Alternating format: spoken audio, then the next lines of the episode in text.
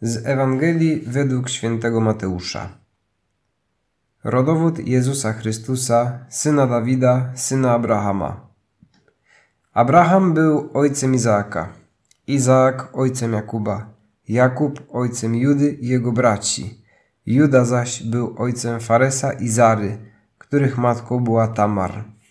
Fares był ojcem Ezroma, Ezrom ojcem Arama, Aram ojcem Aminadaba, Aminadab ojcem Nassona, Nasson ojcem Salmona, Salmon ojcem Boza, a matką była Rahab. Boz był ojcem Obeda, a matką była Rut. Obed był ojcem Jessego, a Jesse ojcem króla Dawida. Dawid był ojcem Salomona, a matką była dawna żona Uriasza.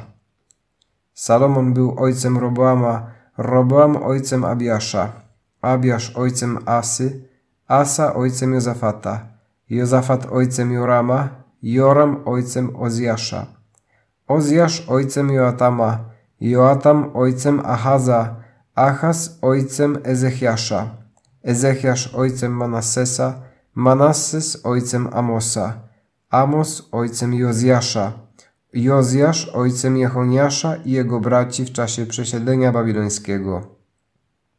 Po przesiedleniu babilońskim Jechoniasz był ojcem Salatiela, Salatiem ojcem Zorobabela, Zorobabel ojcem Abiuda, Abiud ojcem Eliakima, Eliakim ojcem Azora, Azor ojcem Sadoka, Sadok ojcem Achima, Achim ojcem Eliuda, Eliud ojcem Eleazara, Eleazar ojcem Matana, Matan ojcem Jakuba, Jakub ojcem Józefa, męża Maryi, z której narodził się Jezus zwany Chrystusem.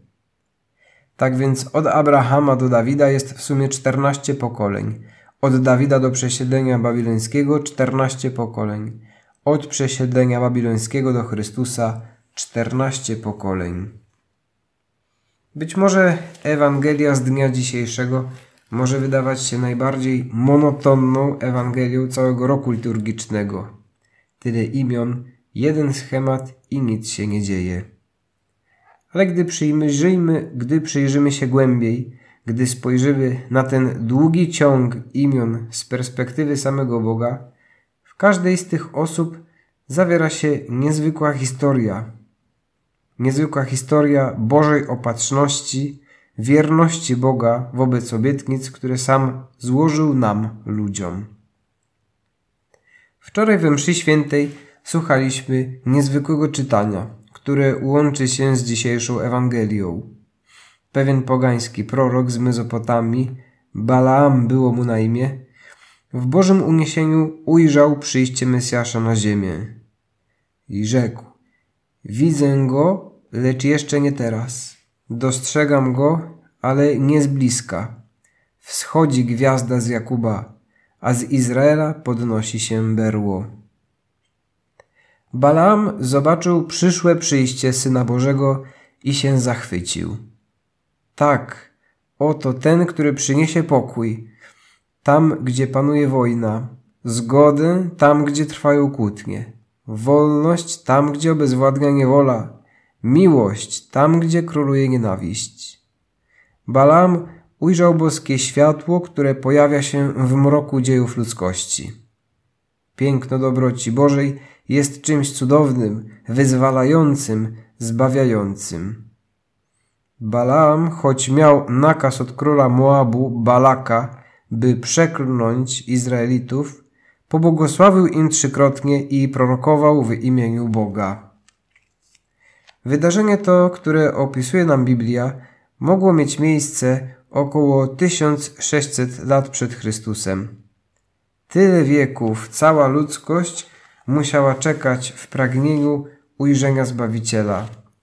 Właśnie dzisiejsza Ewangelia, jak we fleszu, streszcza nam tych kilkanaście wieków oczekiwania narodu wybranego na Mesjasza Bożego.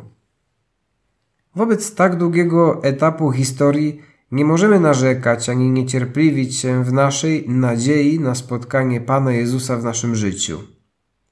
Od dzisiaj do Bożego Narodzenia pozostaje jeszcze tydzień Adwentu, jeszcze tydzień bez świętowania, bez kolęd, bez świątecznych spotkań rodzinnych, bez splendoru uroczystej liturgii świąt Bożego Narodzenia. To tydzień, w którym bardziej możemy zadbać o ciszę, tak charakterystyczną dla brzemiennej matki, która jest już tak blisko rozwiązania. Ta ostatnia prosta Adwentu zachęca nas, byśmy przylgnęli bardzo mocno do Maryi i byśmy z naszą Matką dali się zdobyć pięknie i miłości przychodzącego w tę grudniową noc Mesjasza Bożego. Panie, co mogę zrobić, by rzeczywiście wzrastać w nadziei wobec różnych przeciwności w rodzinie, w pracy, w mojej społeczności, wobec wad mojego charakteru, z którymi nie mogę sobie poradzić? Po pierwsze, wytrwale prosić. Panie, przymnóż mi nadziei. Spraw bym bardziej ufał w Twoją dobroć, przylgnął do Twojego miłosierdzia.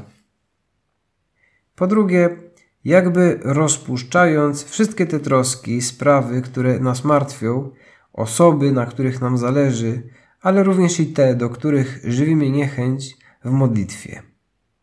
I to w modlitwie zawierzenia. Ktoś powiedział, że miarą modlitwy są jej pragnienia. Czego pragniesz w modlitwie? Świętego spokoju? Tylko ukojenia? Tylko rozwiązania Twoich problemów? A może raczej przede wszystkim osobistego spotkania z Jezusem, tak w cztery oczy. To Chrystus jest naszą nadzieją.